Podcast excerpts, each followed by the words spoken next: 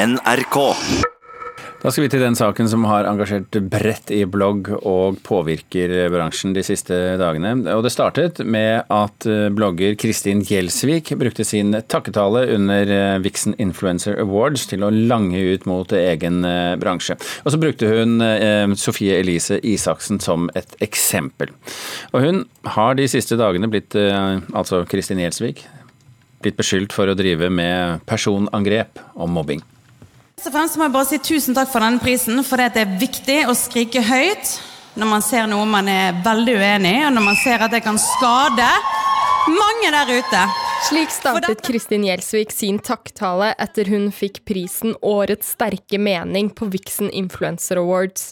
I talen rettet hun kritikk mot bransjen, pressen og Sofie Elise Isaksen ble brukt som eksempel. Siden har talen blitt diskutert i sosiale medier og på blogger. Var dette riktig forum for en sånn tale? Ja, mener Ingeborg Senneset, journalist i Aftenposten og forfatter. Jeg tenker at eh, det er litt sånn eh, amerikansk statskundekvaliteter over det å faktisk ta ordet når du har en mikrofon, og bruke det til noe med substans. Og det syns jeg er ganske kult. Da. Talen til Gjelsvik har også blitt kalt mobbing og personangrep og da mener Senneset at debatten har sporet av.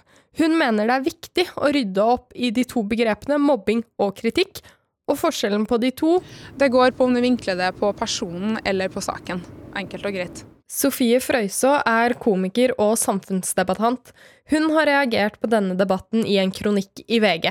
Og hun mener at influensere ikke er fritatt kritikk. Og som jeg også skrev, så skjønner jeg at det er vanskelig å skille mellom um dette med personangrep og eh, kritikk når det gjelder personer. Eh, og at det, man utleverer privatlivet, men det slutter jo å være privat når, når eh, det blir offentliggjort og publisert og dokumentert. Sånn som mange influensere eh, gjør. Hun mener også at bransjen bør statuere et eksempel ved å ta diskusjoner og debatter. Vi skal ikke bli så redde for å diskutere noe selv om det er vanskelig. Og da er det viktig å statuere et eksempel på at man kan man kan tåle kritikk, man kan gå inn i en diskusjon, være saklig og skille mellom um, sak og person. Og når det nettopp handler om sak, så syns jeg ikke man skal misbruke det begrepet eh, på den måten da, som blir gjort nå i dette eksempelet, og vi har sett det mange ganger før. NRK har ikke lykkes å komme i kontakt med Gjelsvik til denne saken, men på søndag sa hun at hun kunne formulert seg bedre i talen, men at hun er svært engasjert i denne saken. Hun sa også at det er mange ting i talen som ikke kun gjelder Sofie Elise. Reportere var eh, Maiken Svendsen og Victoria Hellem. Og spesifikt eh, det kritikken til Gjelsvik eh, dreier seg om, er altså eh, det å skape kroppspress blant eh, unge. Og det var i den sammenheng da hun trakk frem bloggerkollega Sofie Elise Isaksen. Så skal det handle om eh, film. Den kritikerroste norske filmen 'Barn' vant i helgen to av de gjeveste prisene under prisutdelingen på Göteborg filmfestival. Dragons Awards er verdens største filmpris på én million svenske kroner. Og filmen 'Barn' fikk prisen for beste nordiske film, og ikke nok med det. Henriette Stenstrup vant prisen for beste skuespiller for sin rolle i denne filmen. Så du hva som skjedde? Ja. ja. Eller nei jeg... Vi snakker om en jente på 13 år som ved et uhell har forårsaket en annens død. Hva er det som skjer nå, liksom? Ja, Henriette Stenstrup, skuespiller, god morgen og gratulerer. God morgen og tusen hjertelig takk. Det er jo mange som har sett denne filmen på kino allerede, men for de som ikke har det, hva slags film er det? Eh, nei, det er jo en film som eh, tar opp det med ha alt på en måte Eller veldig mye som handler om det å ha barn og være barn, og hva betyr det med barn i, i Norge, på en eller annen måte. Men eh, historien starter jo med et dødsfall, og så handler det om hvordan det berører absolutt alle rundt. Alle foreldre, alle etterlatte, alle som skal håndtere den situasjonen. Mm. Er det mørkt?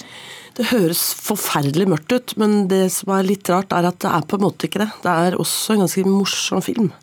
En litt sånn eh, trist farse, på en måte. Mm. Og så har den fått uh, gode kritikker, og mm. også flere priser. Hva er det som gjør uh, at denne filmen treffer så godt? Jeg tror det handler veldig mye om eh, Dag Johan Haugerud, som skriver sånne manus som i hvert fall fra en skuespillers synspunkt man bare liksom ikke helt må ødelegge. Ikke, ja, bare ikke ødelegge den dialogen her. Og det er så nyansert, da. Det er jo det som ofte blir litt når man ser eh, um, filmer, så blir det ofte Ting blir jo veldig sånn svart-hvitt, og man vet ofte hva som skal skje før det har skjedd. Det ser jeg på datteren min når hun ser film, og hun liksom Å ja, nå kommer det til å skje. Men man forteller liksom kanskje historier på en litt annen måte. Forteller litt om det som skjer imellom eh, de store dramatiske tingene, men det likevel forteller en veldig dramatisk historie. Og så er han veldig morsom. Han skriver veldig morsomt. Mm. Og det er mange som uh, forbinder deg med humoristiske roller. Hvordan har det vært å spille i denne filmen, da, som selv om det også er en del humor, uh, har et såpass alvorlig tema i bånn? Uh, nei, altså det er bare en uh, Det er liksom det beste jeg gjør, er å være med i Dag Johan sine filmer. Selv om jeg får lov å gjøre veldig mye morsomt. Men det er selvfølgelig sånn at jeg gjør mye humor. Og så er jeg så heldig at jeg får lov å gjøre en del andre ting. Og da blant annet med han. Og sannsynligvis på grunn av han. Hvilke reaksjoner har du fått da på, på filmen?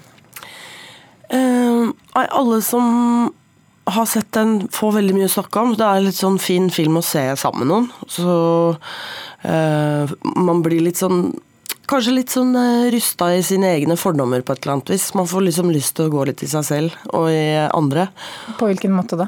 Og, nei, det er jo liksom Man ser jo folk ofte veldig sånn Også ut ifra hva de stemmer og hvem, hvem de er og hvordan de går kledd og alt sånt. Og så er jo folk folk, og det syns jeg den filmen her er veldig sånn tydelig på, da.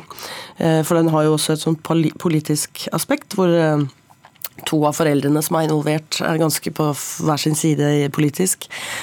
Eh, og da er det veldig mm, fint, liksom, at mm, det er ikke så stor avstand mellom folk som man skal ha det til. Mm. Og Premien er altså en, en, drage. Har du ryddet en del av stua? fra... Ja, det har jeg. Jeg har ryddet hele stua, så den kan stå midt i stua. Skjønner jeg godt. Henriette Stenstrup, takk for at du kom hit til Takk for at jeg fikk komme. Og vi bytter tema til Alfa Cruises African Contemporary Art. Og det vi snakker om da, det er den store utstillingen på Astrup Fearnley-museet i Oslo denne våren. En utstilling som, altså, som, du da kan gjette deg til, fokuserer på afrikansk samtidskunst. Vi har fått i studio Mona Palle Bjerke, vår kunstkritiker her i NRK. Eh, og da er selvfølgelig det første spørsmålet hvorfor afrikansk kunst på Astrup Fearnley? De siste årene nå, rundt om i Europa, så har vi fått den ene utstillingen etter den andre med det de kaller da afrikansk samtidskunst. Her hjemme hadde vi jo på Kunstlaboratoriet Vestfossen i fjor sommer Cubatana, som var en utstilling av samme slag. Og også på Venezia-biennalen i fjor så var det veldig preget av kunstnere fra det afrikanske kontinent. Så her kan man si at Astrup Fearnley-museet egentlig kaster seg på en internasjonal trend, i tillegg til at de fortsetter sitt Eh, prosjekt, nemlig å gå gjennom suksessivt den ene kunstscenen etter den andre i verden. Det kan jo være vanskelig nok å bruke begrepet norsk kunst eh, og få det til å gi noe mening, og så skal man si afrikansk kunst om et så enormt kontinent. Ja, det er jo like urimelig som å kalle noe europeisk eh, kunst. Det er jo da Vi får bare glimt, vi får bare fragmenter selvfølgelig av dette omfattende, mangfoldige kunstkontinentet. Vi snakker om 54 ulike land og 1,2 milliarder eh, mennesker. Og vi snakker om veldig ulike kunstneriske tradisjoner og nasjonale identiteter. Så det er, eh, det er, viktig selvfølgelig å ha med oss. Men det at vi på en måte, vi, har, vi, trenger utstillinger som denne, som gir oss i hvert fall en flik av kunnskap, så vi slutter å tenke på verden som lik Vesten i mm. kunstsammenheng. Mm. Hva får vi se, da? Her får vi se altså dette er en usedvanlig energisk, livsbejaende og sanselig utstilling som byr på veldig sterke opplevelser. Noe av det første som møter oss, er den malawiske kunstneren Billy Sangeva. og Hun har skapt da eh, utsøkte gobelengbroderier, gåtefulle, litt skisseaktige bilder som også samtidig er hyperrealistiske. Og så er deler av denne disse silkegobelengen liksom revet av, slik at bare fragmenter av fortellingen eh, står igjen. Eh, er dette kjente kunstnere for deg, eller er det nytt nye stjerner i, i kunstverden, for å si det sånn? Begge deler. Eh, en helt utvilsom stjerne, som er veldig kjent, er Nicolas Lobo. Han syr, vever og limer ulike tekstiler sammen. Jobber med arbeider som er som grenseland mellom skulptur og drakt. Og tematiserer gjennom arbeidene sine sin, eh, sitt liv da som homoseksuell svart kunstner i post-apartheid Johannesburg. I utstillingen så har han bl.a. skapt en mektig fallisk form i bildekkergummi, eh, som en stor, svart Eh, erigert penis omgitt av et flor av uh, gyllen, rødoransje organza som et stort brudeslør, nesten. Og Her er det utrolig sterkt, syns jeg, fordi at uh, denne gummien, bildekkgummien har jo noe maskinelt og umenneskelig, samtidig som den er myk og nesten litt sånn hudaktig, som gir den noe, opplevelsen av noe levende. Og dette at det har noe draktaktig ved seg også, det blir et veldig sterkt bilde på det der å bære sin hud som en drakt eller som en rolle. Og selvfølgelig henspiller også på den Eh, tunge historien knyttet til eh, hudfarge.